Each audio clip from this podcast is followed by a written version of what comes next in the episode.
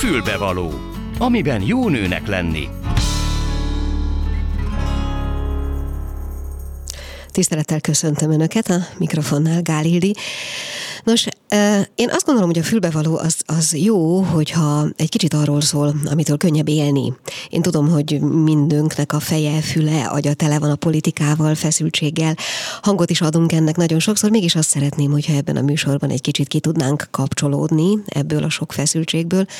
És próbálunk olyan tanácsokat, olyan apróságokat nyújtani egymásnak, ami egy kicsit megkönnyíti az életünket. Akár a hétköznapokban, akár a párkapcsolatokban, akár mondjuk a konyhában, és ilyen lesz most ez az első is, ez a mai első téma, ugyanis a lángosról fogunk beszélgetni, a lángos történetéről egy picit, azután pedig kapcsolunk egy hölgyet, aki egészen messze egyébként Németországban süti a lángost, és hogy neki milyen tapasztalatai vannak arról, hogy ez a bizonyos magyar lángos, ami vagy hungarikum, vagy nem, majd kiderül, eh, hogy működik külföldön, milyen különleges és speciális igényeket támasztanak mondjuk a németek vagy a svájciak. Ezzel az étellel kapcsolatban ezt el fogja mondani ő.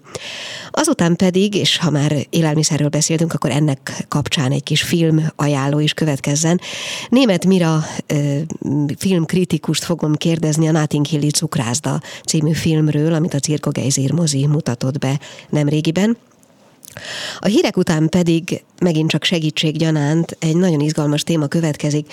Készül egy színházi előadás, aminek az a címe, hogy Anya-e vagy, ami azzal foglalkozik, hogy az anyaság kérdése, az anyává válás, az anyai érzések kialakulása vajon automatizmus-e, vagy ha nem, akkor mit lehet tenni? Baj-e, hogyha ez nem, nem alakul ki bennünk automatikusan?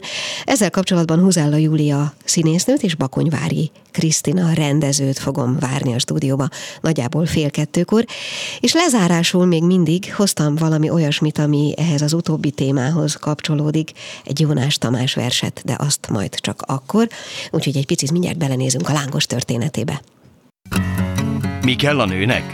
Egy fülbevaló. Szóval mielőtt Nagy Stefániát, aki már itt van a vonalban, szóra bírnám, engedjék meg, hogy elmondjak egy pár szót arról, hogy mit gondolunk mi a lángosról. Mi magyarok ezt a hagyományt már hosszú évek óta nem engedjük ki a kezünkből, de miért is tennénk, amikor annyira bevált?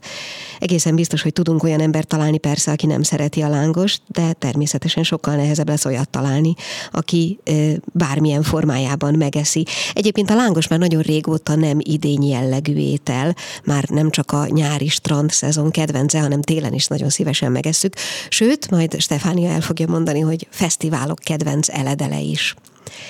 Nem is igazán a mai tejfölös, fokhagymás, sajtos lángos az, amit egyébként eltanultunk annó, ha hiszik, hanem a törököktől. A kulcs az alapanyag, a tészta volt, a lágy kelt tésztából készült finomságot rendszerint a kenyérsütésből visszamaradt részekből sütötték az elődök. A kenyértésztát kerek alakúra nyújtották, majd forró parázson meglángolták. Innen a neve.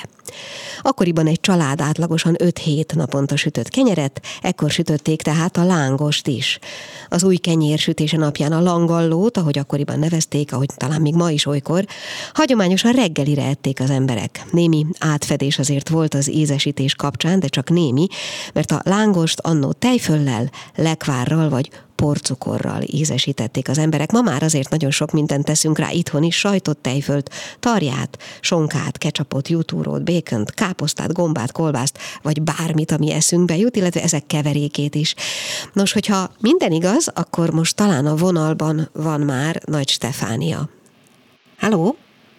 Halló, jó napot kívánok, Nagy Stefánia vagyok. Na, szia! Kérlek szépen, hogy kezdetnek rögtön áruld el, hogy honnan beszélsz. Ugye azt mondtam, hogy te Németországban élsz. Igen, én Konstanzból beszélek, a Bodenzi partjáról. Gyakorlatilag egy kilométerre van tőlem a Bodenzi, és a Rajna is, mert ugye itt csak itt válik szét, vagy csatlakozik a Bodenzi a Rajnába. Gyakorlatilag mind a két folyó itt körülveszi az a lakásomat. Uh-huh. És azt jól értettem, ugye, hogy te abból élsz, és nem csak te, hanem olykor a családod egyik-másik tagja is, hogy lángost süttök Németországban. Igen, ez úgy történt, hogy én egy nagyon kicsi faluból, Jásznagykoszolnak évő szelevényről eh, kerültem ki ezelőtt 11 évvel, egészen véletlenül, de az már ugyan nem véletlen, hogy itt is ragadtam, és mint szakács, és utána egyet gondoltam, hogy szeretném a magyar hagyományt a magyar kultúrát, az itteni élő emberekkel, nem csak a magyarokkal, a németekkel és a svájciakkal is megismertetni és továbbfejleszteni. És ennek a legfőbb módja volt a lángos? Igen, igen, és ezért fejlesztettem ki egy vállalkozásomat, ahol lángost készítek mindenféle Kérlek szépen kezdjük azzal, hogy egy, egy barátom azt mondta, hogy feltétlenül kérdezzem meg tőled, hogy mitől jó a lángos, mitől van az, hogy a széle puha, a közepe ropogós, tehát olyan, ami ennek lennie kell. Természetesen a lángos is, mint élesztős tészta, időjárás függő. Azon kívül ugye szívvel lélekkel készíteni, és minél egyszerűbb egy tészta, tehát nem kell túl variálni, én legalábbis én nem teszek bele sem tojást, sem tejet, tehát egy, egy teljes egyszerű tésztát készítek, élesztő víz és só. És persze oda kell nagyon figyelni a hőmérsékletre télen, amikor mínuszfokok vannak, akkor úgymond fűtenem kell a tésztámra. Nyáron viszont mindig megfelelő adagot szabad csak előre készítenem, mert magyarul elfolyik a tésztám. Tehát túl, túl kell? kell? Aha, Tehát, aha, értem. Igen. És még egy nagyon fontos tehát titok nincs összességében a tésztában, viszont a titok csak abban rejlik, hogy az olaj a megfelelő forróságot kapja, adja a tésztának, és ezért lesz olyan gyorsan kész is, tehát nem, kell, nem szívja meg magát, nem kell visszafordítani, gyakorlatilag pár másodperc alatt készen van a friss ropogós kívül ropogós belül puhalángos. Te mondd is, eh, csak egy saját meg, személyes megjegyzés, bocsánat, tegnap este telefonálta már felnőtt fiam, eh, hogy ő lángos szeretne sütni. És áruljam el, hogy mi annak a trükkje, hogy olyan állagú legyen az a bizonyos tészta, ami ennek lennie kell. Hát el kell mondjam, hogy nem lett teljesen olyan állagú. Neked hány év rutin kellett ahhoz, vagy hány év tevékenység, hogy, hogy bomba biztosan mindig olyan legyen az a tészta?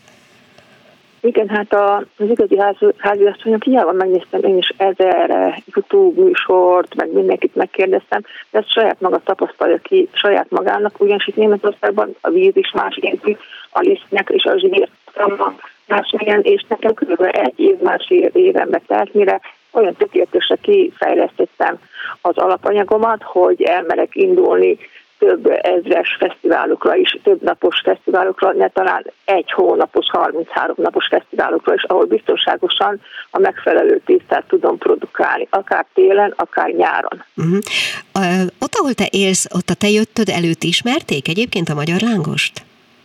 Igen, igen, itt ugye annak idején, amikor még a DDR időszak volt, akkor ezek a gyakorlatilag többsége a vendégeimnek nagyon sokat nyaraltak a Balaton partján ah. évekig, 10-15 évekig, és uh, igazából nekem egy nagyon pici helyzeti előnyöm volt, amikor a vállalkozásom kiváltottam, mint lángosos, természetesen mást is készítek, gulyást, levestől kezdve, kürtös kalácsot, egyéb magyar dolgokat, uh, és ezért volt nekem helyzeti előnyöm, hogy a vendégeim 80%-a már ezelőtt 15-20-30 évből ismeri a lángost. Mm. természetesen a feltétek azok változtak. Mégpedig? Mik azok a speciális feltétek, amik csak ott vannak nálatok? Hát ugye a hagyományos az a, csak a fokhagymás, e, utána ugye a fokhagymás sajtos tejfölös, de mint ahogy említetted, én nekem sikerült Svájcban is ezelőtt négy-öt évvel bekerülnem, ami azt jelenti, hogy márciustól december 31-ig gyakorlatilag minden hétvégén minden más nagy-nagy városban fesztiválozunk, Bern, Basel, Biel, Lugano, Luzan és Winterthur, Zürich, és uh, ahol nem ritka egy-egy nagy ilyen fesztiválon a három millió ember a három nap alatt, természetesen nem mindenki nálam eszik, mert sokkal többen vagyunk standosok, de én Magyarországot képzelem a magyar hungarikummal, ha szabad ezt mondanom, mert az elébb azt kérdezted, hogy hungarikum a lángos, hát merem állítani, hogy igen, hungarikum, itt Németországban, a, ami standard, úgy ismerik, hogy mint, gyakorlatilag mint Magyarországon, tehát a fokhagymás sajtos tejfölös, sokan szeretik a fahéjas cukorral, cukorral, azon kívül az én kínálatomban van még a paradicsomos és rukkolás, vagy pedig a lila hagymás, ami nagyon-nagyon passzol a tejfölhöz is. Viszont a paradicsomos rukkolás is egy jó zaftot, egy különleges ízt ad a lángosnak.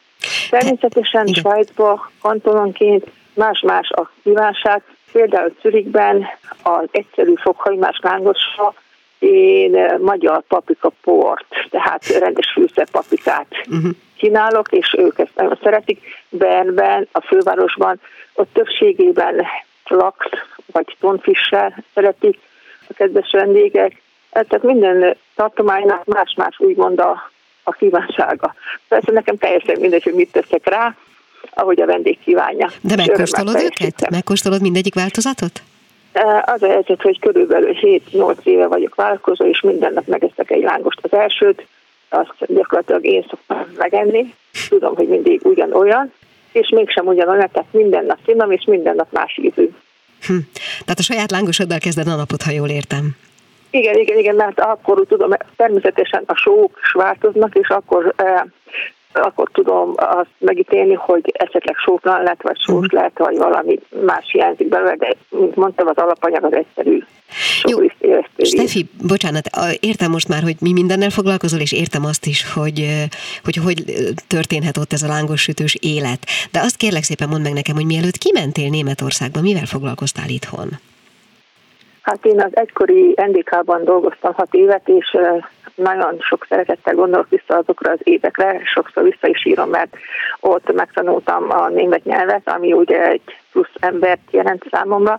Nemzetközi jogosítványt szereztem, ami megint egy nagy, nagy előny számomra. Van hét gyermekem, őket fölneveltem, és utána a különböző helyeken dolgoztam. Hét. Hét? Azt a mindenit. Igen, és utána különböző helyeken dolgoztam, például dolgoztam a Magyar Parlamentben, a konyhán, több helyen dolgoztam, és utána véletlenül kerültem ki Konstantba, és 11 éve itt ragadtam. És itt azt mondtad, hogy a, olykor még a család is besegít, amikor előzőleg beszélgettünk valami igen, igen. mondtál.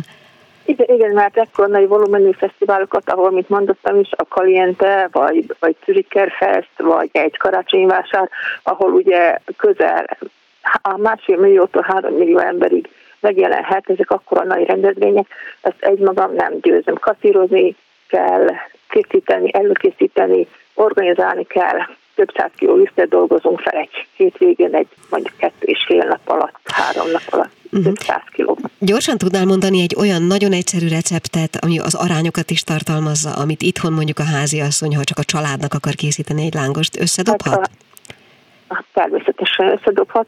Én a, a lisztfajtából, ami valaha volt a nullás liszt, nem tudom Magyarországon most, hogy mi a neve, tehát a kenyérliszt. Igen.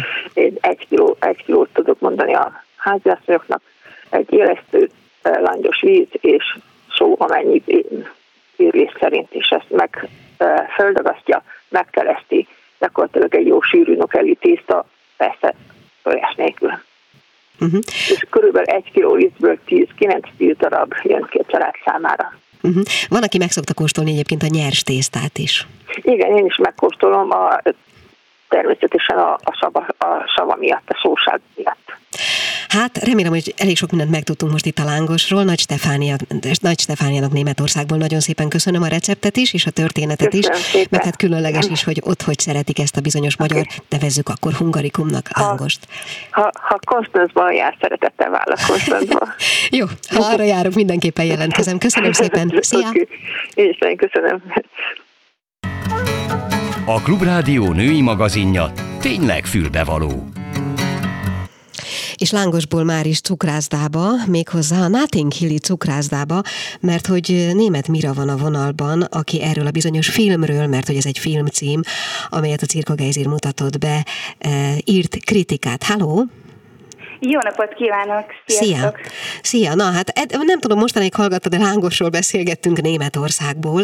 Kérlek szépen, hogy egy kicsit akkor tekintsünk bele ebbe a filmbe. Tudom, hogy itt azért nem a, a cukrászda az összekötő ereje ennek a filmnek, hanem sokkal inkább az emberi kapcsolatok, de többet nem nagyon tudok róla, úgyhogy tiéd a szó.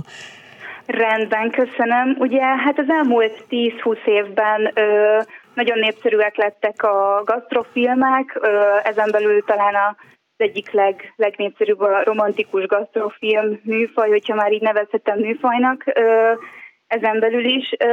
Ugye ott van például a csokoládé ízlések és pofonok, vagy ugye a tavaly bemutatott magyar film a Hab, és ugye a Notting Hilli cukrászda is ezt, ezt a vonalat követi, ugye az alaptörténet szerint egy Szára nevű nő, aki már régóta régóta védelgeti azt az álmát, hogy megnyitja a saját cukrászdáját, pont pont ezen a napon elhuny, és ez hozza össze a három hozzá legközelebb tartozó embert, három nőt, ugye a lányát, a legjobb barátnőjét és az édesanyját, és ezzel veszi kezdetét a film, ezzel nagy spoilert nem mondtam, mivel ugye ez az első két percben már kiderül, és az a legfontosabb számomra ebben a filmben, hogy, hogy ugye ez a három nő, aki már évek óta nem beszélt egymással, elhatározza, hogy ezt a cukrászdát, ezt Szára iránt érzett szeretetükből és tiszteletükből mégis megnyitják, és, és vezetni fogják, és ez hozza össze ezt a három nőt, és ők három különböző generációba, három különböző életszakaszba tartoznak, és ez az, ami szerintem még így a műfajon belül is különleges és kiemelkedővé teszi a Notting Hilli cukrászdát, és, és ugye az, hogy mélyebb üzeneteket és, és mély érzéseket is magában hordoz, ennek ellenére alapvetően egy nagyon kellemes és bájos atmoszférájú filmről beszélünk. Uh-huh. Szerinted mi lehet az oka annak, hogy ez egy új kordivat, nagyon szeretjük ezeket a filmeket? Mi, mi, miért lett ez mostanában ennyire divatos és vonzó téma? Szerintem alapvetően ez egy nagyon bevált recept lett így az elmúlt években, hogy hogy beszéljünk úgy emberi kapcsolatokról, hogy közben valamilyen szempontból egy, egy kicsit ilyen emészthetőbb, esztétikusabb környezetbe rakjuk, és ugye tényleg, ahogy a csokoládéban például egy csokoládéboltról volt szó, egy csokoládéboltban helyezkedett el, úgy az ízlések és pofonok, az szintén egy tragédiával indít, és, és ugye a konyhában válik, tehát a konyhában ö, mm, látjuk Egyenlítődnek azt, ki a dolgok, Aha, jönnek igen, rendbe igen, dolgok. És, és itt is ugye ez a cukrászda vonal, ez, ez, ez egy olyan közeget nyújt, ami, ami nagyon hangulatos, nagyon kellemes, és közben mégis ezt a három nőt, ezt a három különböző generációba tartozó nőt összehozza, egy családdá ö, alakítja lényegében. Uh-huh.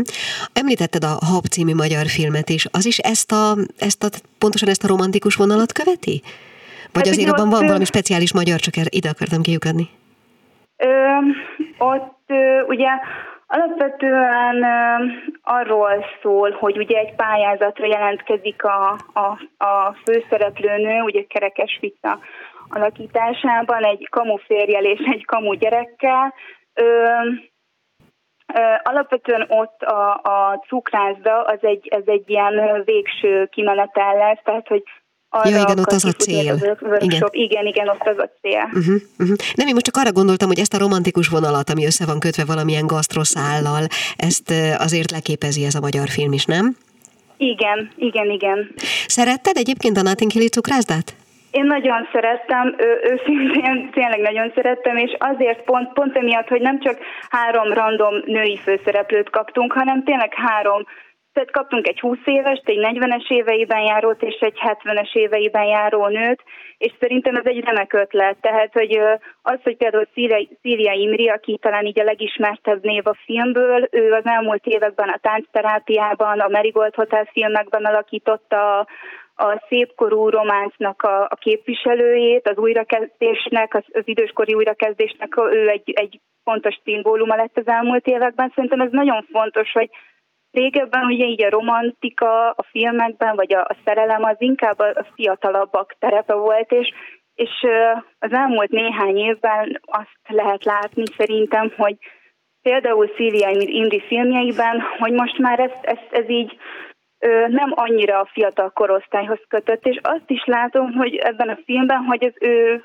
karaktere a legmarkánsabb, tehát hogy nagyon-nagyon jól alakítja ezt a ezt a, ezt a szerepet, és hogy ő, ő már ebben tényleg egy ilyen specialista lehet, lehet így mondani, és, és számomra ez egy nagyon-nagyon szép üzenet, hogy tényleg uh, itt van három különböző korosztály, és, és hogy így uh, ebben a közegben, ebben az egyébként nagyon kellemes közegben oldják meg a, a, az é- magánéletükben rejlő problémákat, és egymásra támaszkodva, és ami szintén fontos, és egy személyes hangvételt ad a filmnek, hogy a rendező Elizás Rőderő pár nappal a forgatás megkezdése előtt veszítette el az édesanyját, és ő ennek ellenére is azt nyilatkozta, hogy nem egy tragikus felhangú filmet akar rendezni, sokkal inkább egy egy reményteli, egy, egy pozitív kicsengésű film. Úgy érezte, hogy, hogy inkább erre van szükség, és ő ilyet szeretne megalkotni ebből a témából azon gondolkoztam, amit mondtál, hogy tulajdonképpen ez nem is három színésznő, hanem ugye ott van a negyedik, aki miatt, eh, tehát aki meghalt, ugye a negyedik szereplő,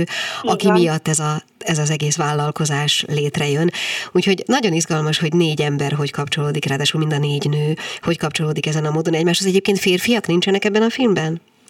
Van egy, a, a, van egy férfi szereplő is, pont a leg, tehát ugye a középső ha lehet így mondani, tehát hogy a 40-es éveiben járó női karakter ö, ö, mm, szájánál lesz egy, egy udvarló, illetve ugye ő Imri ö, nevű színésznő, ugye Mimi ö, karaktere az, aki, akinek az életébe betoppan egy lovakpont, így a, a cukráza kapcsán, tehát úgy amiatt kezdenek, kezdik el felfedezni ezt a cukrázát, ez a két férfi karakter, tehát hogy ennek is kicsit így a szimbóluma ez a cukrászda, hogy, hogy kicsit kiléptek a komfortzónájukból ezek a karakterek, és hogy ennek segítségével sikerült hát párt találniunk maguknak.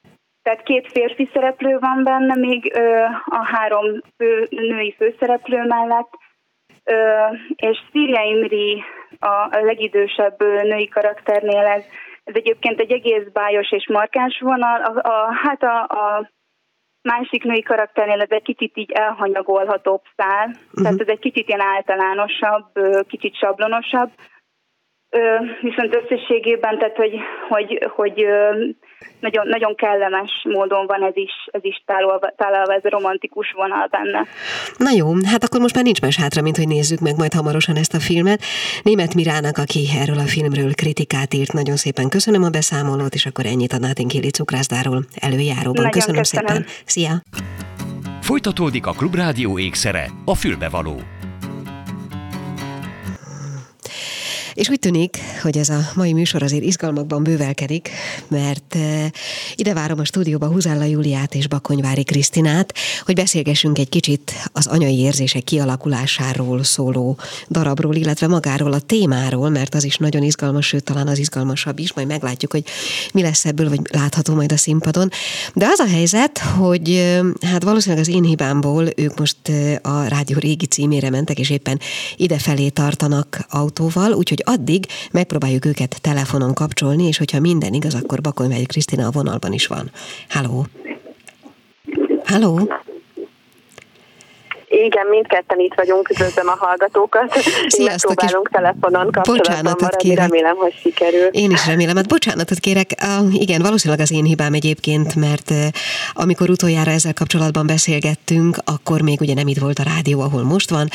Úgyhogy még, még egyszer elnézést nem tudok mit mondani, de hát nyilván ide fogtok érni nem olyan sokára, és akkor majd élőben folytatjuk. Jó, lehet így? Persze, természetesen. Na, a jó. helyzet amúgy abszolút témába vág, szerintem ez szerető dolog, figyelni, koncentrálni és valahogy megoldani, úgyhogy olyan szuper hírók és Na, örülök, hogy, fogunk örülök, hogy jó kedvetek van ezzel kapcsolatban, akkor nekem is az lesz. No hát, ugye arról volt szó, és, és bocsánatot kérek, hogy itt azért ez nem, egy, nem lehet egy reklámbeszélgetés nyilván, de a téma az önmagában nagyon fontos. Ugye itt arról van szó, hogy az anyai érzés az mennyire e, automatizmus, vagy mennyire alakul ki magától a, a helyzettől, hogy az ember anyává válik. Jól vetem fel a kérdést? Abszolút sokat beszélgettünk erről, ez mindenképpen szerintem témája az előadásnak. Főleg azt próbáltuk vizsgálni, hogy ahhoz képest, amit vár akár magától az ember, meg ahhoz képest, amit várnak tőle, társadalmi szinten, vagy akár a család, vagy azok a rokonok, barátok, akik már anyák, hogy ahhoz képest mennyire tudja az ember teljesíteni ezeket a fajta elvárásokat, vagy ahhoz képest mi az, ami valójában történik uh-huh. vele. Ezzel kapcsolatban nekünk ilyen alapvetően ilyen romantikus elképzeléseink vannak, hogy meglátom a gyerekemet, elönt a szeretet, és onnantól kezdve én működöm, mint anya? Szerintem van valami ilyesmi ö, bennünk, és nem is feltétlenül tévút ez. Hiszen, hiszen szerintem hazugság lenne azt állítani, hogy nem jönnek akár hormonálisan is, meg hát egyébként is ilyen jellegű érzések, de, de szerintem az is hazugság, ha azt mondjuk, hogy csak ez uh-huh. történik velünk ilyenkor. Ennél, ennél talán a komplexebb ez a Igen, dolog. bocsánat, hogy most itt megengedek magamnak egy személyes megjegyzést, hiszen most én nem vagytok itt, hát ha mesélhetek csak egy fél szót. Én például mind a két gyerekem születését eufóriával éltem meg, tehát a, a szó szoros értelmében fizikai, lelki eufóriájaként. A teljesítményt uh-huh. talán valamiképp azt gondolom. Uh-huh. Ez része lehet Érdekes, ennek a palettának? Ez, ez, okay? ez, a, ez, ez a mondat, meg ez a, ez a szóhasználat is benne van az előadásban, ez az eufórikus csodaként hivatkozunk uh-huh. a, az anyaságra. Nekem nagyon-nagyon sok ismerősöm van, aki hasonlóról számolt be. Uh-huh.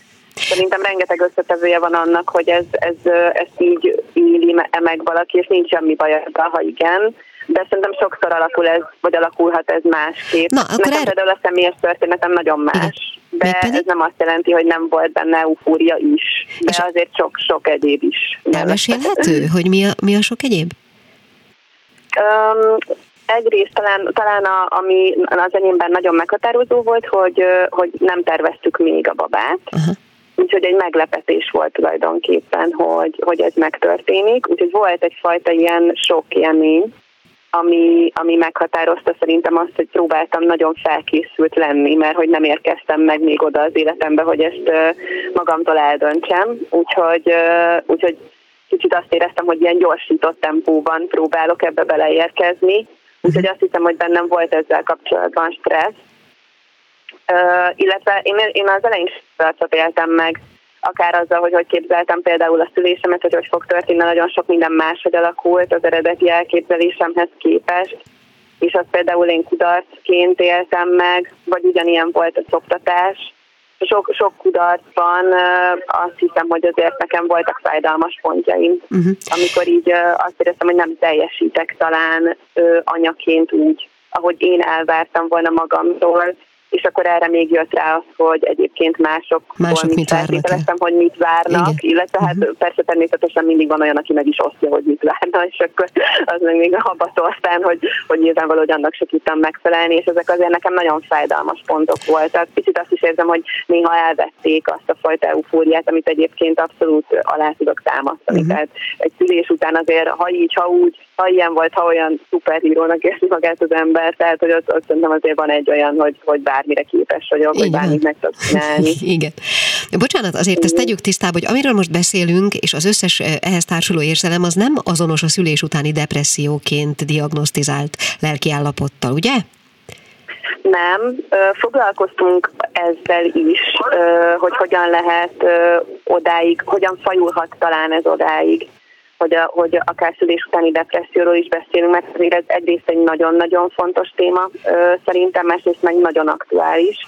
Tehát rengeteg ilyen jellegű, akár szakirodalmat, akár személyes történet megosztást lehet ma már ö, olvasni szerintem nagyon fontos erről is beszélni, de amire, ami most én érintettem, az szerintem egy alapvetően nagyon idézőjelben, de egy természetes állapot, uh-huh. nem, nem valaminek a szélső pontja, vagy egy szélsősége, hanem, hanem szerintem ez, ez akár egy teljesen természetes és normál folyamatban megtörténik, hogy, hogy kudarc uh-huh. sorozata után az embernek vannak fájdalmas pillanatai.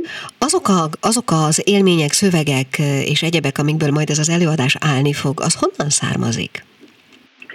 A mi elképzelésünk az volt, hogy csak saját történetekből dolgozunk, mert azt gondoltuk, hogy ettől válik hitelessé az, hogy erről mi beszélünk, úgyhogy a saját történeteink vannak benne. Uh-huh. Hárman dolgoztunk együtt, Júli, aki most itt ül mellettem, és nem sokára ő is megszólal, csak most nagyon koncentrál, hogy vezessen.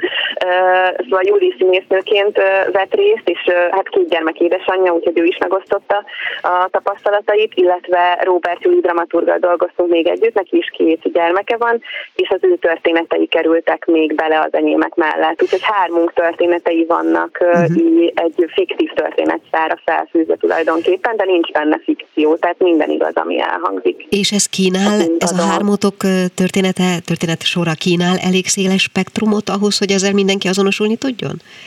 Meglepően igen. Uh-huh. Mi is magunk is elhűltünk, mert a karantén alatt kezdtünk el ezzel az anyaggal dolgozni, és az volt a munkaformánk, hogy összeszedtük, hogy milyen témák vannak, milyen folyamatok vannak tulajdonképpen egy anyává válási úton, ezekre úgy tekintettünk, mint egy-egy kapu, vagy úgy is fogalmazhatunk, mint egy számítógépes játék különböző pályái, amin, hogyha egyet teljesítettél, mész a következő. És azt képzeltük, hogy a végén anyává válunk, és egy-egy témát egy-egy hétre kiosztottunk, és tulajdonképpen kilenc hónapon keresztül minden héten videóban meséltünk egymásnak arról, hogy az adott témával kapcsolatban melyikünkkel mi történt. Gondolom a kilenc nagyon, hónap is nagyon, szimbolikus valahogy. Igen, igen, igen, ez, hát ez egy véletlen, de nagyon szép dramaturgiai pont, hogy, uh-huh. hogy végig kilenc hónap alatt szültük meg az előadást. És nagyon érdekes volt így hetente hallani, hogy egy-egy témával kapcsolatban mennyire különböző az, ahogy megéltük az eseményeket, vagy ami egyáltalán konkrétan történt velünk, az is nagyon-nagyon eltérő volt. Egy-két ponton egyezett, tehát nem mindenben tért el.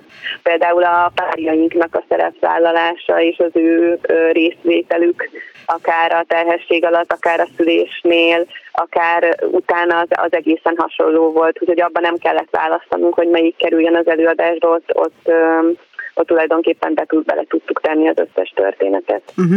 Azért így hallgatva benneteket úgy tűnik, hogy ez meglehetősen hiánypótló tematika, vagy körülnéztetek egyébként akár a világirodalomban, magyar irodalomban, hogy foglalkozik ezzel a témával bármi, bárki? Igazából a aktualitásokból ugye a most történő dolgokból indultunk, de most is van olyan előadás, sőt, tudomásunk van arra, hogy készülnek is olyan előadások, amik ezzel foglalkoznak. De rengeteg ö, film is volt szerintem az utóbbi időben, ami kimondottan azt a fajta sztereotípiát akarja lebontani valamilyen formában, ami az anyasággal kapcsolatban kialakult. Ö, Úgyhogy, de, de mi is szerettünk volna tényleg nagyon személyes történetekből is, nem pedig uh, akár ilyen irodalmi, akár filmes áthallásokból kiindulni, mert, mert hogy igyekeztünk a monodrámaság miatt minél hitelesebben fogalmazni, hiszen egyedül kiállni és mindezt elmesélni.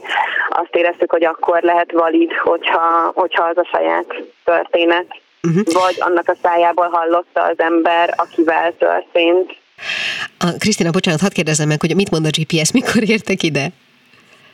Elméletileg az oktogonnál vagyunk most, tehát egy 10 percet Jó, akkor át, most. Jó, akkor nagyon sok idő már nem lesz itt élőben beszélgetni. Az érdekel még engem ezzel kapcsolatban, hogy azok a, a tehát ez az egészen való keresztül menet, ez a kilenc hónap, ez átírta bármilyen módon a saját viszonyotokat ehhez az egész kérdéshez, hogy megrágtátok, megemésztettétek, megbeszéltétek, stb. és végül született belőle valami, valami más, ami másoknak szól. Szóval átírta-e az eredeti alapgondolatokat bármiképp? Érdekes nagyon szerintem, amit kérdezel. Azért is, mert ahogy telik az idő, én például magamon tapasztaltam, és beszéltük is Julival, hogy, hogy az ember felejt el dolgokat, uh-huh. és nem is feltétlenül úgy, hogy magát az esemény sort, hiszen, hiszen arra emlékszem, hogy mi történt, de az érzelmi részét, az, hogy ez milyen mélységben vagy akár hogyan éltem meg, az abban például nagyon sok mindent érzem, hogy töröl uh-huh. az agyam. Mondják is egyébként, ez is egy ilyen társadalmi ö, tudás, egy ilyen, informa, ilyen közös információ vagy tudáshalmaz, hogy ugye a szülést is felejti az ember.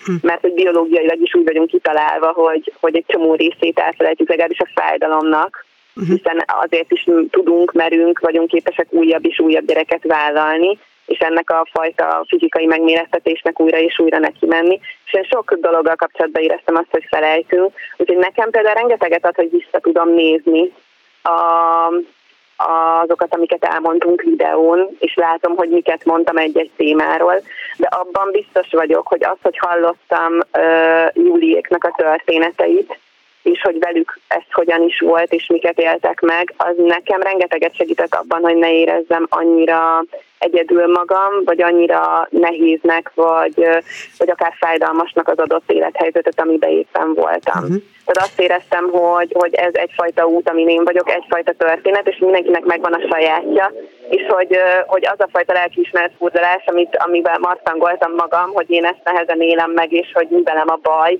miért nem érzem azt, a, azt az örömöt, amit kéne, hogy azt, hogy hallottam, hogy, hogy hasonlóban vannak mások is, csak más miatt, vagy más módon, hogy ez, ez nekem sokat segített, hogy, hogy picit így elengedtem dolgokat, és, és képes voltam arra a részre koncentrálni, ami mondjuk például vicces. Tehát az előadásban nagyon sok mindent tudtunk humorra venni, meg, meg viccel megközelíteni, és, és igyekeztünk így fel is szabadítani magunkat is, meg akár a nézőket is azzal kapcsolatban, hogy lehet Na igen, pont, itt, igen, pont ide akartam kiukadni, hogy ez a ti fejlődés történetetek, amihez rendelkezésre állt ennyi idő. Az az idő, ami az előadás nézőinek a rendelkezésére áll attól, hogy benneteket néznek, elég lesz arra, hogy egy hasonló úton akár keresztül menjenek? Tehát, hogy megkönnyebbüljenek, vagy ne, nem tudom pontosan, mi minden célja volt az előadásnak, vagy lesz, de hogy erre alkalmas-e? Mi nagyon szeretnénk, hogy igen.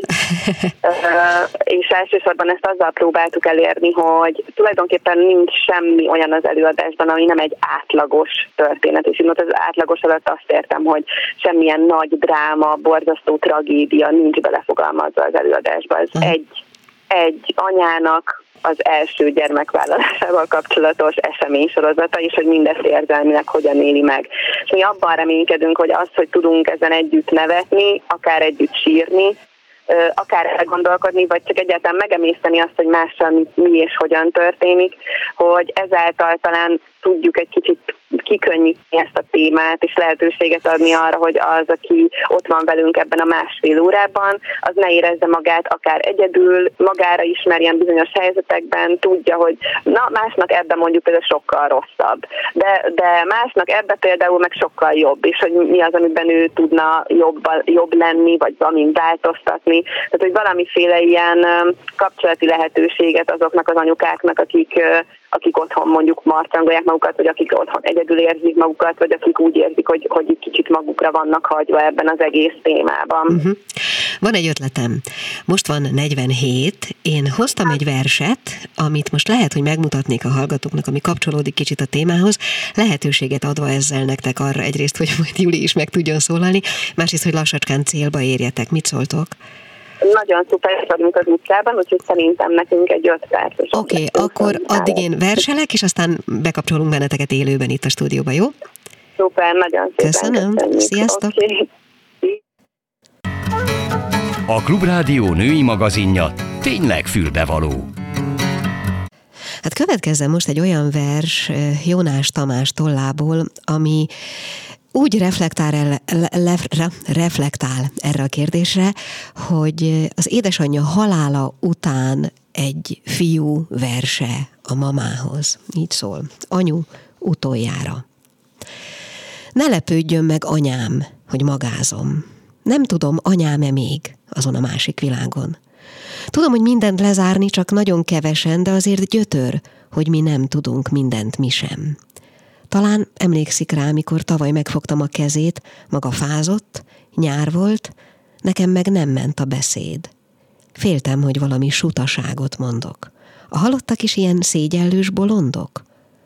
A kezét, amikor megcsókoltam, féltem, mert valami rémületet láttam a szemében. Ha nem kezdett volna el akkor sírni, lehet, hogy meg is szólalok, s ma kevésbé szenvedek. Elegáns ez a hallgatás nevetséges a beszéd. Tudja, nem tudom elfelejteni a fehér pulóverét. Nem állt jól magán, már szinte semmilyen ruhadarab. Az arcát elfelejthetem, de az a pulóver megmarad. Elnézést, anyám, hogy így elelkalandozok, szégyenletes nekem, mint a halála az ok. Most már nem maga miatt mondom, de hát engem még itt hagyott küzdeni. Szerettem magát s hogy egy volt, akik oly kevesen, az anyám, míg a magáé vagyok, és maga már nem az enyém. Folytatódik a Klubrádió ékszere, a fülbevaló.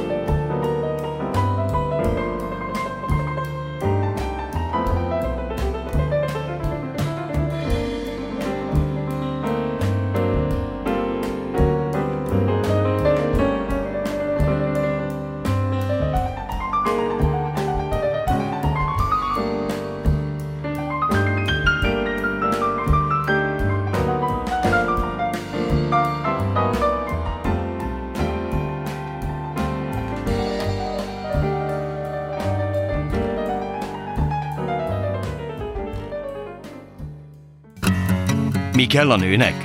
Egy fülbevaló. Na hát jelentem, megérkeztek Huzella Júlia és Bakonyvári Krisztina. Nem volt a dolog, hát hogy mondjam, se stresszmentes, se izgalommentes, de hát itt vagytok, úgyhogy még Julit azért megkérdezem eh, arról, hogy, hát ő is mondjon néhány mondatot arról, hogy, eh, hogy hogy élte meg ezt az egészet, részben a saját történetét, részben eh, mire számít majd ettől az egész produkciótól. Um Nekem abból a szempontból volt egy kicsit nehezebb, hogy már messze volt, messze volt ez a két emlék, mert már a kisebbik lányom is öt éves, úgyhogy nálam már beindult ez a folyamat, amiről a Kriszti az előbb mesélt, hogy milyen, amikor az ember így elfelejti uh-huh. a dolgokat, és hirtelen már olyan szép, olyan könnyű volt szülni, persze tudom, hogy nem. Tehát. És ahogy dolgoztunk az anyagon, meg hát abszolút kerültek bele ugye olyan történetek, amiket én nem éltem meg, és sokkal nehezebbek voltak, mint, mint a saját tapasztalataim, így jöttek vissza az emlékek. Hm. Nagyon érdekes volt, hogy ezzel álmodtam, hogy, hogy ilyen régi érzések törtek elő belőlem gyerekekkel kapcsolatban, a szüléssel kapcsolatban, és, és igazán nagyon felzaklatott. Hm. a történet. De ez nagyon érdekes egyébként tényleg, hogy felülírja az emlékezetünk, a fizikai, meg a lelki emlékezetünk is felülírja ezt az egészet. Az elsősorban az volt ezzel az egésszel a célotok, értem, hogy karantén volt, és ráértetek, és valamit csináljunk, persze. De hogy az volt ezzel az egésszel a célotok, hogy a saját negatív emlékeiteket, vagy akár negatív negatívnak tűnő emlékeiteket újra feldolgozva egyszer csak túléljük, és felkínáljuk ezt a lehetőséget a nézőknek is, vagy valami más?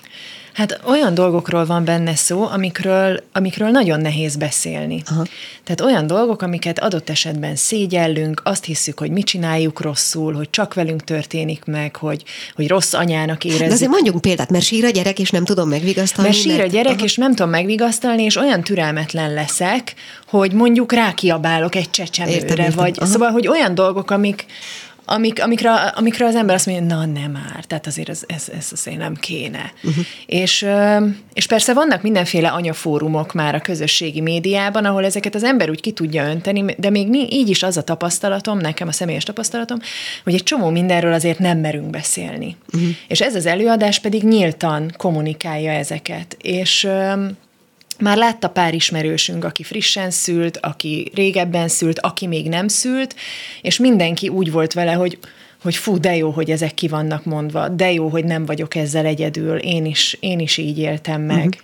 Mm, az előbb olyan nagyon sokat nem beszéltünk a, a külső elvárásokról, a saját ilyen-olyan kalandjainkról ezzel kapcsolatban, igen, de hogy mik azok a külső elvárások, amik meg tudják nehezíteni egy fiatal anya életét? Hát Nagymama, anyós? Aki Akár nagymama, tudja. anyós, akiknek már annyira távol van ez az egész, hogy ők mindent szuperül csináltak, és Igen. nekik minden nagyon könnyű volt, noha egyedül csinálták, és úgy kell. nekik nem volt segítségük, és mégis Igen. minden tökéletes volt. Vagy akár az, hogy, hogy dolgozni kell, hogy gyereket kell nevelni, közben a háztartást kell csinálni, de még sincs igazán elismerve az, hogy az ember otthon van egy gyerekkel, akkor az egy, az egy teljes állás tulajdonképpen, vagy a háztartást vezeti, meg, egy, meg ilyen belső elvárások is vannak, tehát hogy az ember nem keres pénzt azzal, hogy gyereket neve. El is hangzik az előadásban, hogy ha, ha ezért fizetnének, akkor én boldogan. Tehát, hogy tényleg. Úgyhogy szerintem sok ilyen van, és nagyon sok bezzeg anya bezzeg anya van a környezetünkben is, de hogyha csak ezeket a Facebook csoportokat nézem, ott is nagyon sok ilyen, ilyen nő van. De most, bocsánat, ettől nagyon Igen. kíváncsi lettem erre a bezzeg anyaságra, hogy vajon annak mi lehet a lélektani háttere, eh, amikor az ember kiokosítja a másikat, hogy azt hogy kéne, és ő bezzeg tudja, annak gyanítom valami ellentétes érzelem lapulhat a mélyén, nem? Hát, én, bocs, igen. Én, én bevallom észre, én bevallom néha fölfedezek magamban erre hajlamot. És, és, igen, és és én a magam nevében tudok beszélni, hogy én ilyenkor azt érzem, hogy mondjuk valami, valamiben tényleg megvilágosodtam, vagy valamiről tényleg kiderült, hogy jól működik, és szeretnék segíteni. Tehát azt szeretném, hogy próbáld ki, mert hogy ez annyira jó, és teljesen fellelkesülök, de lehet, hogy ez igazából pont az ellenkezőjét váltja ki. Nem, meg most gondolkodtam azon, hogy így a saját történetemmel kapcsolatban, hogy, hogy amikor egy hosszú, nagyon nehéz és terhelt folyamat mondjuk a szoptatás kapcsán pozitív, tehát sikerrel zárul, hogy akkor van egy olyan élményem, mondjuk nekem, hogy, hogy szakértője lettem ennek a kérdésnek, Jaj. mert már nem volt olyan, amit ne, ne éltem volna meg. Világos. Tehát azt a fajta sikert, hogy én ezt végigküzdöttem és megcsináltam, hogy azt érzem, hogy akkor most ezt megosztanám. Mostantól tanítom. Igen. De közben, ha visszaemlékszem ennek a folyamatnak az elejére, hát egyáltalán nem hiányzott, hogy valaki, aki már egy sikeres fázisban van, elmondja, hogy hogy jutott oda, és nem azért, mert nem akarok tőle tanulni, hanem még abban a fázisban vagyok, hogy nekem nem segít az, hogy valakinek most ez tök jól megy. Tehát Persze. nekem az segítene, ha valaki azt mondaná, hogy ő ugyanebbe van, nem tudja, hogy mit csináljon, és, és hogy, hogy el van keseredve. Világos. És akkor így találnék egy, egy lelkitársat, vagy barátot, akivel azt érzem, hogy most ugyanabba vagyunk. Uh-huh. Az nincs benne, és tényleg ez a legvége, mert, mert sajnos az adás végén vagyunk, itt van előttem ja. az óra, hogy, hogy az ember azt, hogy ezt jól csinálta-e, jól csinálja-e, azt, azt semmilyen közvetlen visszaigazolás nem támasztja alá, majd 10-20 x év múlva. Tehát, hogy van az elég a dologban egy ilyen alapbizonytalanság, hogy majd egyszer kiderül, de ahhoz nagyon sok, és akkor már ugye nem javítható az sem, amit esetleg hibáztam. Hm? Így van. Én, én azért néha szoktam magamnak ilyen kiózanító pillanatokat tartani, hogy ránézek a gyerekeimre, és hangosan megállapítom, hogy két kiegyensúlyozott, boldog gyereket látok, akkor valamit biztos jól csinálok. Tehát, hogy, hogy akkor nem lehetek annyira rossz. Szerintem is a gyerek az, aki igazol, igazolja a, a rossz dolgot, tehát amit elrontotta, és igazolja azt is, amit jól csináltál, és nem is feltétlenül tudok még így nagy átlagban azt mondani, hogy én most ezt jól, tehát ez a gyerek rendben van, de apró dolgokat nagyon jó észrevenni, például látni, hogy oda megy egy növényhez, és megsimogatja, és akkor tudom, hogy hetek óta gyakoroljuk, hogy egy növényt nem kitépünk, hanem mindig simi-simi. És akkor ilyenkor azt érzem, hogy na, egy dolog, ami ötös. Hát vagy hogyha az ember visszahallja a gyerekétől a saját mondatait egyszer csak hát váratlanul, hát, vagy a saját gondolatait. És szerintem ezt most még folytathatnánk, csak sajnos erre most már végképp nincs időnk, és még egyszer elnézéseteket kérem, de hát szerintem azért összehoztuk nagyjából Össze, ezt a beszélgetést. Úgyhogy én el is búcsúzom a hallgatóktól. A mai műsorban beszéltünk a lángosról, a lángos történetéről, felhívtuk Nagy Stefániát, Németországban elmesélte, hogy ott hogy szeretik ezt a magyar lángost. Aztán beszélgettünk kicsit a Notting Hilli cukrászda című film kapcsán német Mira kritikussal, és végezetül itt volt nálunk Huzella Júlia és Bakonyvári Krisztina, és most már mondjuk ki a darab címét, az Anya-e vagy című előadás kapcsán. Köszönöm, hogy velünk voltak, viszont hallásra. A Klubrádió nem csak nőknek szóló magazinját, a fülbevalót hallották.